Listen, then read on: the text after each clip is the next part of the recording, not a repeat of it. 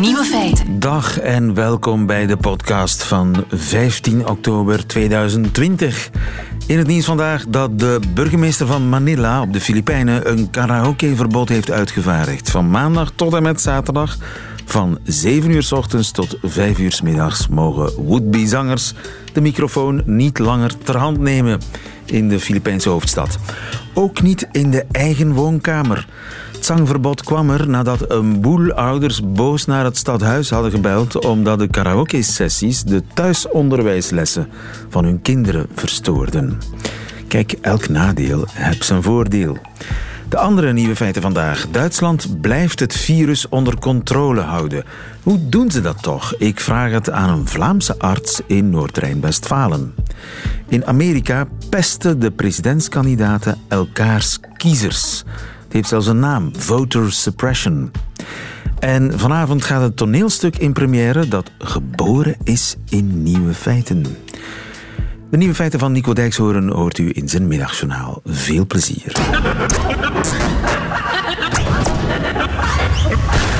Nieuwe feiten. De voorbije twee weken zijn er in ons land ruim 50.000 coronabesmettingen bijgekomen. Ter vergelijking in Duitsland 45.000. Dat zijn er dus 5.000 minder dan eh, bij ons, maar er zijn wel acht keer meer Duitsers natuurlijk dan Belgen. En als je kijkt naar de kaart van Europa met het aantal besmettingen, ja, dan zie je Duitsland liggen als een eiland in een rode zee. Goedemiddag, dokter Van Aken. Goedemiddag. U bent uh, arts in Duitsland. Uh, Ik ben uh, geneesheer-directeur en voorstandsvoorzitter van het Universitair Ziekenhuis in Münster. Münster, dat is in Noord-Rijn-Westfalen. heeft u enig idee waarom het zo goed gaat en blijft gaan in Duitsland? Ik denk dat men weet ook, ik ben Vlaming, zo, ik weet hoe dat de Vlamingen over de Duitsers denken. Dat is immer uh, Duitse Pünktlichkeit, Gehoorzaamheid. En ik denk dat dat een groot deel is, dat we de de, de, de aanbevelingen worden opgevolgd. De, ja, de verschillende aanbevelingen die we gekregen hebben. Het waren geen aanbevelingen, het was meer. Het was een richtige wet dat we die voor grote deel, voor 90 of 95 procent gevolgd hebben. En dat dat zeker daar heeft uh, meegewerkt dat wij beter liggen. Een tweede deel is uh, dat België zo slecht daar staat. Dat komt dat in de rusthuizen, de mensen die gestorven zijn, allemaal onder corona uh, geregistreerd zijn. Alhoewel men geen autopsie gemaakt heeft of, of ook geen uh, besmetting heeft uh, gedocumenteerd dat ze, dat ze inderdaad met SARS-2-virus ja. uh, besmet waren. Dus dan hebben we het over het aantal doden, doden. dat ja. misschien een beetje onderschat wordt in Duitsland ja. en misschien een beetje overschat in België.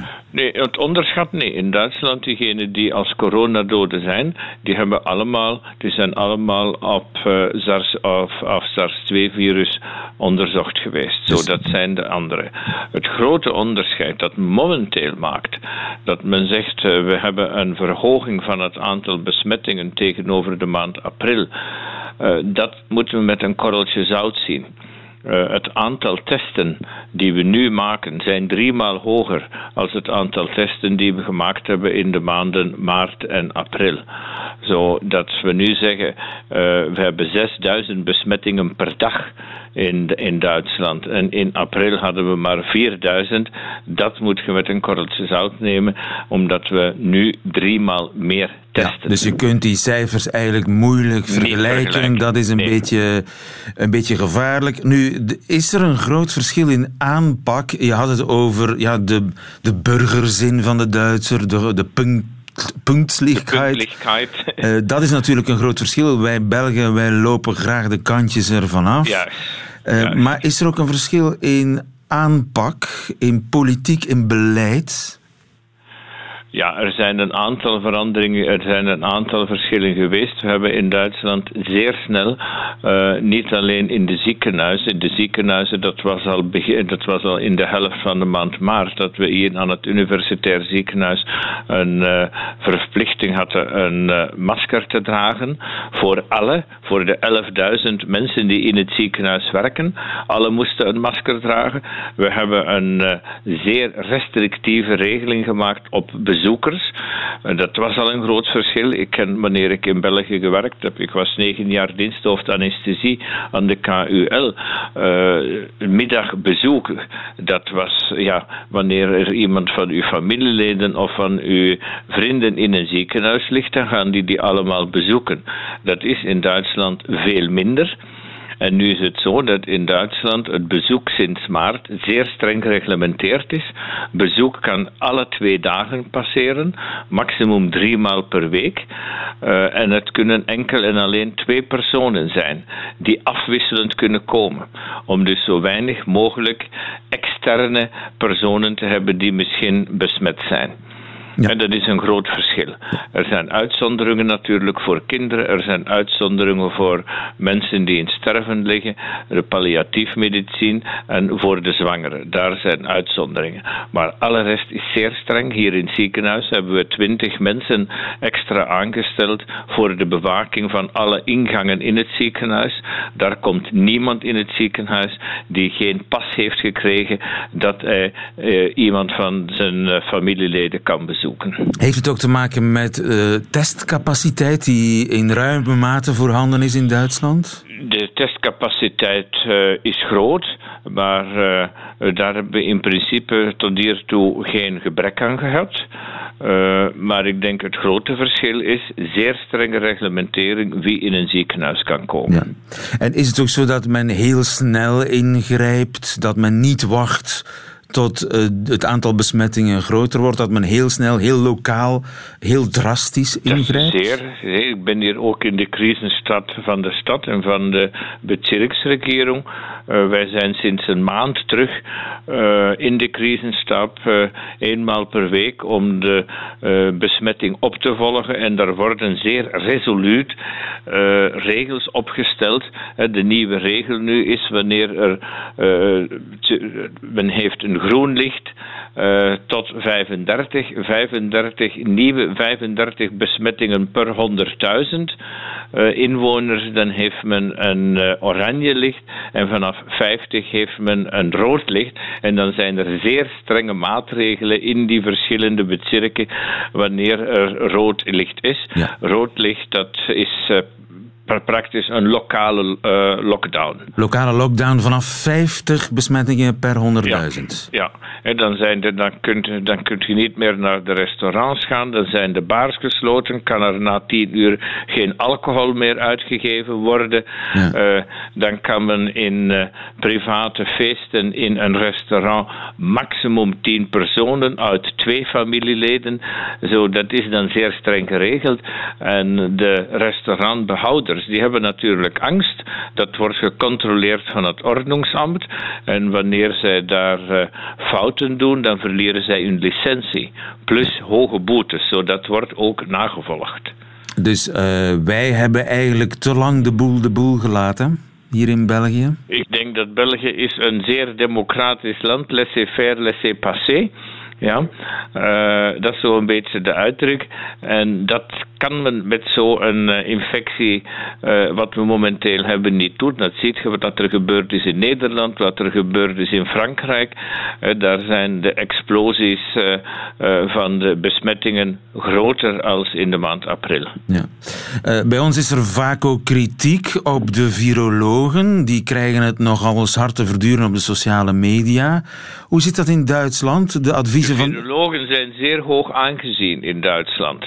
Sinds, de, uh, sinds we de pandemie hebben, zijn de virologen en het Robert Koch Instituut de onmiddellijke raadgevers van de Bundesregering. En die worden ook door de, door de bevolking op, op handen gedragen? Ja, ja, die hebben een zeer hoog aanzien gekregen. Heeft het ook te maken met Angela Merkel, die natuurlijk zelf ook een vrouw van de wetenschap is? Speelt dat een rol, denkt u? Ik denk niet dat dat een rol speelt. Het grote voordeel is dat zij al 15 jaar bondskanslerin is en dat ze daardoor ook van de bevolking uh, een beetje geloofd werd. Men heeft, wanneer zij iets zegt, dan heeft dat meer kracht als wanneer iemand anders van de regering iets zegt, omdat zij al 15 jaar aan het bewind is. Ja. Helder, dankjewel, professor Dr. Hugo van Aken. Goedemiddag. Dank u. Lieven van den Houten. Vanavond, en dat is toch wel bijzonder, gaat er een eh, theatervoorstelling in première in Antwerpen die op de radio geboren is. Meer bepaald hier in Nieuwe Feiten. Goedemiddag, Johan Terrein. Goedemiddag, lieve. Johan Terrein, het Uur Blauw, zo heet jouw voorstelling, ontstaan in dit programma. Leg eens uit, hoe is dat gekomen? Zo is dat. Ik uh, heb een uh, middagjournaal geschreven, 18 april als ik me niet vergis. Uh, omdat de week voordien ehm, mijn vader was overleden. En eh, dat middagjournaal, ja, dat, heeft hij dat moest daar dan over gaan. La, ja. Laten we even terugspoelen naar dat middagjournaal. Dat fortevirus is hem gelukkig bespaard gebleven, maar dat het afscheid met mondmasker moest gebeuren en zonder knuffels en in zeer beperkte kring valt zwaar. Hij was een lieve, een voorzichtige, een aan het raam wachtende, een genietende, een begripvolle, een ongedurige, een handige, een bezorgde, een koppige, een trotse, een verstandige, een bescheiden, een loyale en dus ook een zwijgzame man. Van dat alles blijft nu enkel dat laatste over. Dat was dus 18 eh, april dit jaar, volle lockdown. Jouw vader is gestorven, weliswaar niet aan COVID-19. Maar dat had een uh, enorme impact op zijn begrafenis. Ja, sowieso. Hè, ja. Je mocht toen met, met zijn vijftiende een uh, begrafenis bijwonen. Je mocht elkaar niet aanraken. Ik denk dat dat eigenlijk vooral het meest bevreemdende is als ik er nu op terugdenk. We hebben een hele mooie dienst gemaakt hoor. Je, je, je schrijft mooie teksten en je verzamelt mooie muziek, maar toch, als dat voorbij is, dan besef je eigenlijk pas hoe, ja, wat je gemist hebt. Namelijk, ik heb mijn moeder bijvoorbeeld sinds maart niet meer aangeraakt. Als je daar nu op terugdenkt, ik krijg er koude rillingen van. Hè. Ik bedoel, dat is niet normaal. En dat is iets wat heel veel mensen hebben meegemaakt, namelijk een begrafenis, ja, met de handrem op, een begrafenis die niet af was. Ja. Het is vooral het aanraken dat ontbrak. Hè. En dan achteraf natuurlijk die koffietafel. Die koffietafel die je ja, meestal Allee, in, mijn, in mijn klassieke idee van een begrafenis was dat een, een, soort van bijzaak waar je samenkomt en wat begint te kletsen. Maar eigenlijk heeft dat wel een, een echte functie om zo na die sereniteit van, dat, hè, van die mooie woorden ook een beetje de lach en, en de straffe stoten en de, en de geheimen en, de, en misschien ook de moeilijke verhalen eens een keer tegen elkaar te kunnen vertellen. Ja. Zo'n begrafenis, dat is eigenlijk je, je persoonlijke leed, je privéleed dat plotseling door een grote groep gedragen wordt, door de gemeenschap gedragen ja, wordt. Een deeltje verdriet. En dat ontbrak eigenlijk. Hè. En na dat middagjournaal heb ik ja, merkwaardig genoeg heel veel reacties gekregen van mensen die dat gehoord hadden en, en mij hun verhaal stuurden. Ja.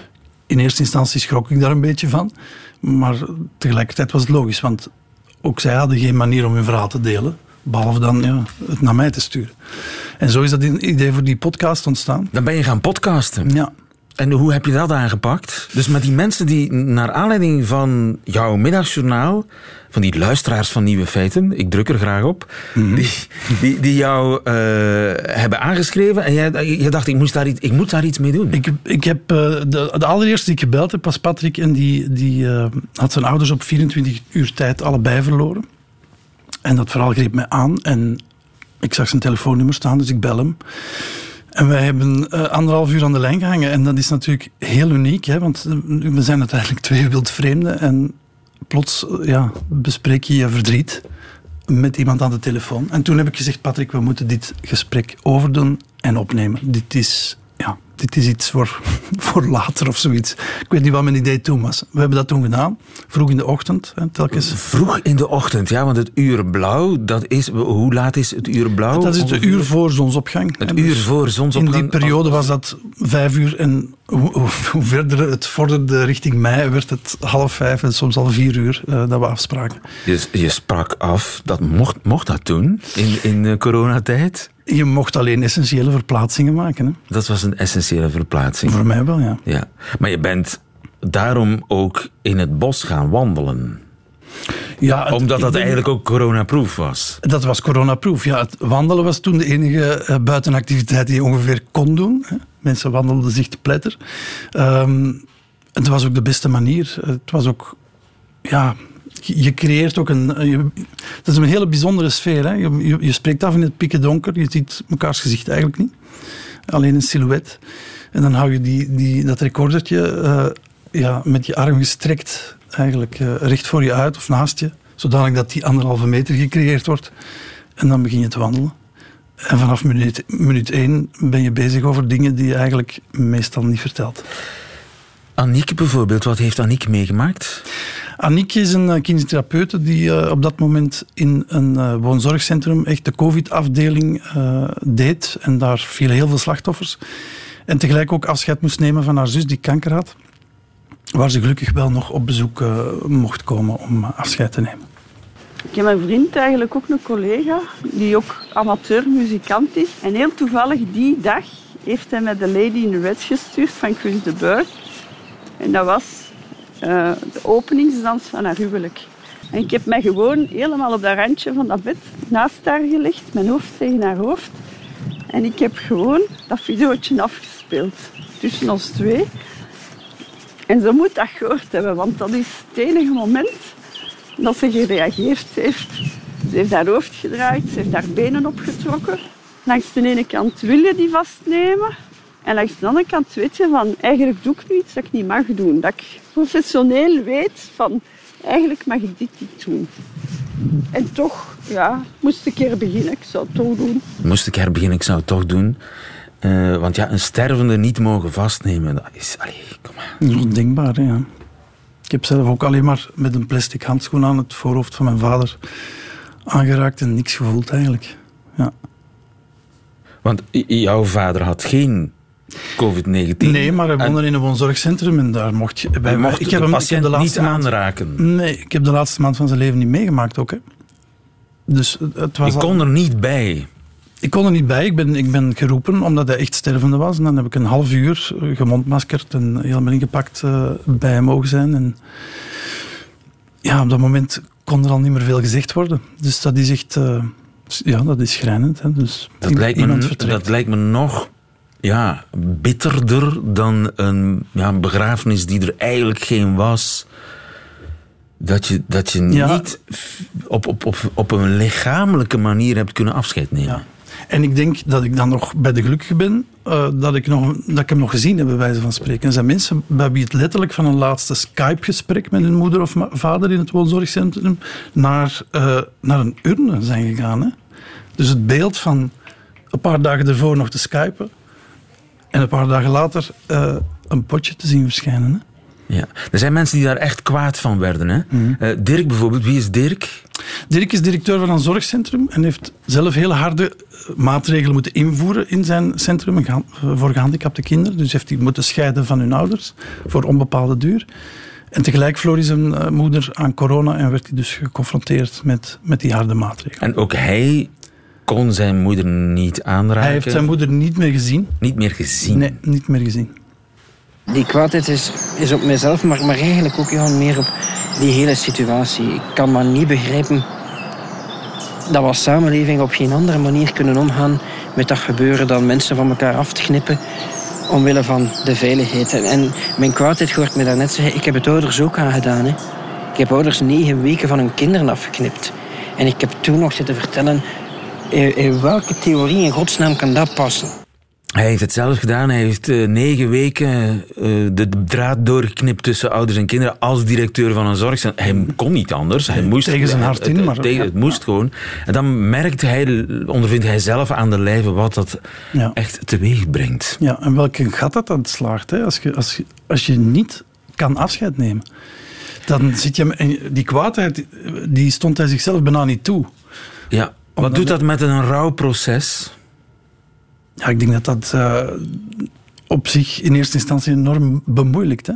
Ik heb ook mails gekregen van mensen die al uh, 30 of 50 jaar aan het rouwen zijn. Hè? Die door, door ook een begrafenis niet te kunnen meemaken of te mogen meemaken, eigenlijk ja, daarmee blijven zitten. Dus ik denk dat dat, denk dat, dat wel een, een ernstig probleem is. Anderzijds probeer ik in mijn voorstelling ook wel naar iets uh, hoopvol te zoeken. Want zo zit ik helemaal in elkaar. Uh, de wandeling eindigde ook altijd met de zonsopgang. Daar begint een nieuwe dag. En je moet verder. Hè. Dus, dus kan je maar beter op zoek naar iets waarmee je verder kan. En, en daar probeer ik in de voorstelling ook een antwoord op te vinden. Ja, want je zou bijvoorbeeld, maar dat is het nog dat, niet de tijd voor. We dachten eventjes dat, we, dat de, de grote golf voorbij was, maar we zitten met een misschien nog grotere golf die we maar niet gebroken krijgen.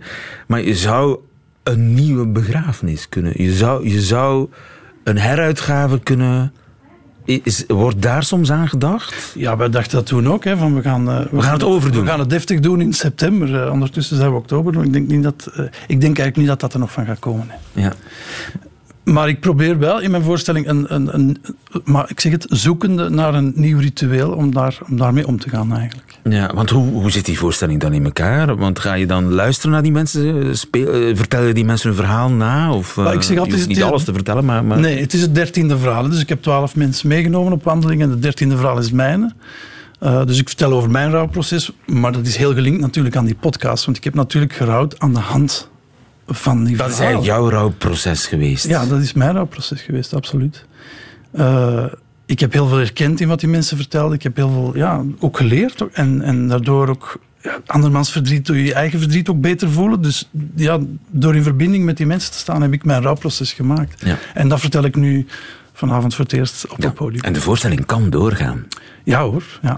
Ja, maar ik, ik weet niet of je nog in een theater bent geweest, maar dat gebeurt allemaal zeer strikt en veilig. Dus. Ja, want in Nederland is uh, het beperkt tot 30 ja. stoelen. Vandaag bij ons nog niet, maar... Nee, nee, maar de, de zaal is, is beperkt gevuld en iedereen draagt zijn mondmasker. Maar er zijn nog plaatsen? Uh, dat weet ik eigenlijk niet. Aha. Uh, dat is spannend. mensen, die willen, mensen die jou er willen zijn altijd, er zijn altijd uh, mensen die afvallen natuurlijk omdat ze in quarantaine ja. moeten gaan. Het is in de studio in Antwerpen. En daar moet u maar eens horen of er nog plaats is. Dankjewel, Johan Terrein. En uh, Dankjewel, lief. sterkte met de voorstelling. Nieuwe feiten. In Amerika strijden de presidentskandidaten niet alleen tegen elkaar, maar ook tegen elkaars kiezers. Michiel Vos, goedemiddag. Goedemiddag. Lieve. Onze huis-Amerikaan. Uh, er is zelfs een woord voor. Voter suppression. Ja, voter suppression. Het zo moeilijk mogelijk maken voor de daadwerkelijke kiezer om te kiezen. Het opwerpen van allerlei barrières die het stemmen misschien niet onmogelijk maakt, maar wel heel moeilijk maakt. Je kunt denken bijvoorbeeld aan het weghalen fysiek van stembureaus. Je kunt denken aan het vragen aan een kiezer van allerlei identiteitspapieren die een kiezer al dan niet heeft. Je kunt denken aan het uh, manipuleren van kiezerslijsten, waar mensen op moeten staan, willen ze daadwerkelijk kunnen kiezen. Nou, zo zijn er talloze voorbeelden te, denken, te bedenken van uh, maatregelen die, die staten kunnen nemen om het kiezers zo moeilijk mogelijk te maken om daadwerkelijk te stemmen kiezerspesten. Daar komt het eigenlijk op neer. Ja, het is een beetje een moderne vorm van kiezerspesten. Alleen zijn natuurlijk de gevolgen veel groter dan simpelweg pesten. De democratie of de eerlijke uitkomst van een verkiezing, en in dit geval gaat het natuurlijk over 3 november aanstaande, de presidentiële verkiezingen, die staan op het spel. Het klinkt niet alleen heel onsportief en ondemocratisch, is het ook legaal? Ja, dat is de grote vraag. Kijk, beide partijen zijn voortdurend bezig met het bewerken van de kiezers, zeg maar. Het, het omschrijven van kiesdistricten, het aanleggen van kieslijsten, het al dan niet bedenken van toelatingscriteria die je moet hebben om te kiezen per post of fysiek te stemmen in een kiesbureau of in een stembureau. Maar inderdaad, is het legaal? Je mag stemmen niet verbieden. Maar je mag het in al die afzonderlijke 50 staten wel moeilijk maken. Je mag allerlei barrières opwerpen. En dan wordt er gevochten tussen beide partijen, al dan niet in rechtbanken, over hoe moeilijk je het mag maken. En hoeveel barrières je mag opwerpen. En daar zit de grote strijd nu eigenlijk al maandenlang in de aanloop van 3 november. En is Trump daar beter in dan Biden? Ja, Trump en de Republikeinen zijn daar historisch en ook nu weer deze jaren veel beter in dan de Democraten. Laten we even heel eerlijk zijn. De Republikeinen zijn historisch gezien de mensen die het veel beter hebben met uh, voter suppression. Zij zijn degene die een demografische verandering in Amerika zien, die het eigenlijk steeds moeilijker maakt dat een blanke steeds kleiner wordende meerderheid of minderheid hè, moeilijk in het zadel blijft. Dus wat doe je dan? Dan maak je het stemmen van andere kiezers door andere kiezers zo moeilijk mogelijk. En dat gaat dan vaak natuurlijk over African Americans, zwarten in Amerika, maar ook Latino's. Maar het kunnen ook jongeren zijn die vaak democratisch stemmen en niet republikeins. En dan kun je dus allerlei barrières opwerpen, al dan niet fysiek, al dan niet online, al dan niet legaal, die het daadwerkelijk kiezen zo moeilijk mogelijk maken. Ja, en dat gaat dus heel ver. Dat gaat dus uh, tot het verwijderen van kiesbureaus, zodanig dat kiezers bij wijze van spreken 20 kilometer moeten reizen om hun stem uit te brengen. Ja, en wat dat betreft lijkt voter suppression wel een beetje op abortus. De Hoge Raad in Amerika heeft beslist je mag abortus niet verbieden, maar je mag wel allerlei barrières opwerpen. En zo is het eigenlijk ook met stemmen. Je mag stemmen niet verbieden, maar je kunt wel vragen om mensen inderdaad ver te laten reizen naar een daadwerkelijk stembureau. Je kunt kieslijsten steeds opschonen, waardoor kiezers die niet mogen kiezen, en wat, wat is mogen, dat die worden verwijderd van de kieslijsten. Uh, je kunt uh, kieslijsten wellicht online manipuleren. Veel van die kieslijsten zijn niet voldoende beveiligd. Je kunt het stemmen zelf manipuleren. En je kunt natuurlijk, zoals de president zegt, eerst per post stemmen. En vervolgens nog eens, om zeker te zijn, nog eens fysiek gaan stemmen in een stembureau. Dan stem je dus eigenlijk twee keer. Mag dat? Nee, dat mag natuurlijk niet. Maar het gaat dus waarschijnlijk wel gebeuren. Dat klinkt als een Afrikaans land met permissie. Nou ja, mijn permissie heb je niet nodig. Amerika is wat dat betreft een beetje een derde wereldland. Hè. Het is een lappendeken aan regelgeving die per staat verschilt. Sommige staten zijn modern, sommige staten liggen achter. Sommige staten in het zuiden hebben een lange traditie van het onderdrukken van de zwarte stem natuurlijk. Hè. Vroeger werd er gevraagd om, uh, om uh, zeggen, een stuk te kunnen lezen van een moeilijk te lezen uh, krantenartikel bijvoorbeeld. En als je dat niet kon, veel zwarten hadden een, lage opleiding, dan kon je dus niet stemmen. Veel kiesbureaus waren niet open in de zwarte wijken. Sommige universiteiten hebben besloten, wij hebben dit keer geen kieslokaal open vanwege corona. Maar dat helpt natuurlijk ook met het onderdrukken van een jongere stem. En dus vaak een democratische stem. Is er dan coördinatie tussen de Trump-campagne en dit soort universiteiten? Dat weten we niet. Maar er wordt over alles en werkelijk alles, alsof het een derde wereldland betreft, gevochten in en buiten rechten om die toegang tot die kiesbureaus open te laten. Dan wel zo klein mogelijk te maken.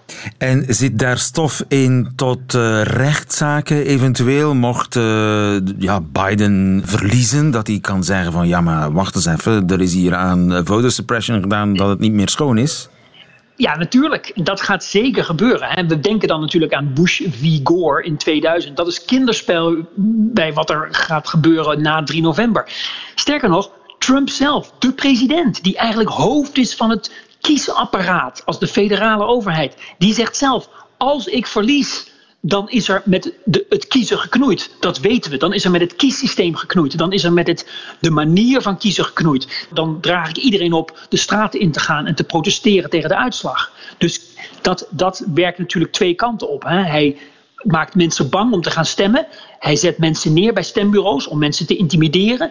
En hij zegt: het systeem kan niet worden vertrouwd, dus de uitslag ook niet. Dat belooft, het wordt pas echt spannend na de uitslag van de verkiezingen.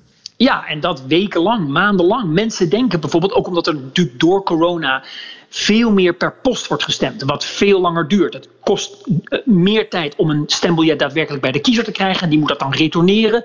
Wie betaalt die postzegel? Daar wordt ook al in rechten over gevochten. En dan moet die post stem moet ook nog worden geteld. Dat kan dagen of zelfs weken duren. Dat is allemaal verschillend per staat geregeld. Dus we hoeven niet meteen een uitslag te krijgen op 4 november of op de avond van 3 november. Dat zou wel eens heel lang kunnen duren. Ja, de, het wordt een heel lang uh, verkiezingsjaar. Dankjewel, Michiel Vos. Goedemiddag. Geen dank. Dat waren ze, de nieuwe feiten van 15 oktober 2020. Alleen nog die van Nico Dijkshoorn heeft u te goed. U krijgt ze in zijn middagjournaal. Nieuwe feiten. Middagjournaal. Beste luisteraar. Voor het eerst ben ik jaloers op Fransen. Ze hebben een avondklok. Niet in het hele land, maar in enkele grote steden. Ik ken de avondklok alleen van verhalen. En dat zijn geen vrolijke verhalen. Meestal schuilde je ergens voor. Het heeft altijd met gevaar te maken.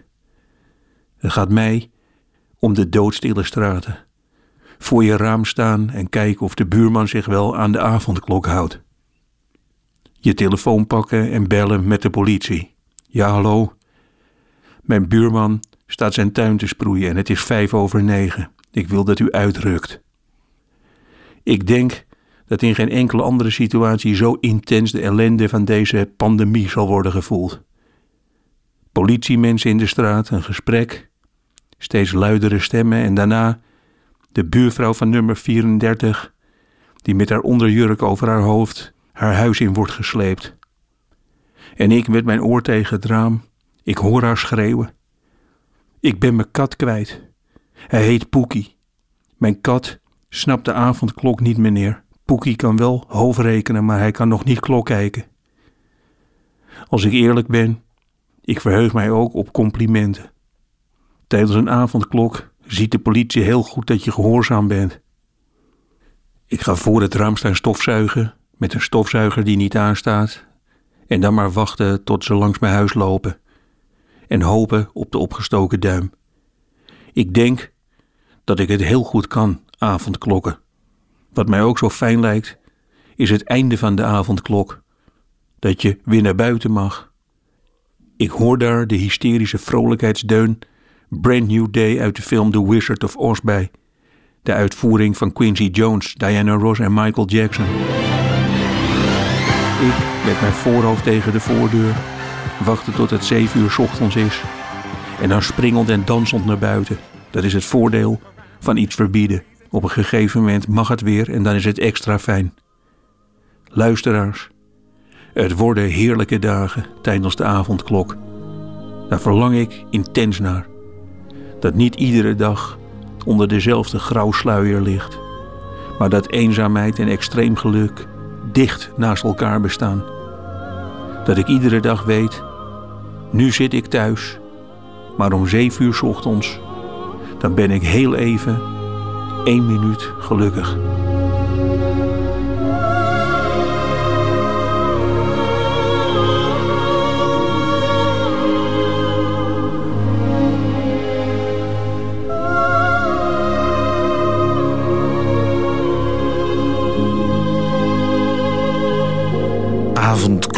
Avondklokzucht. Nico Dijkshoorn heeft het.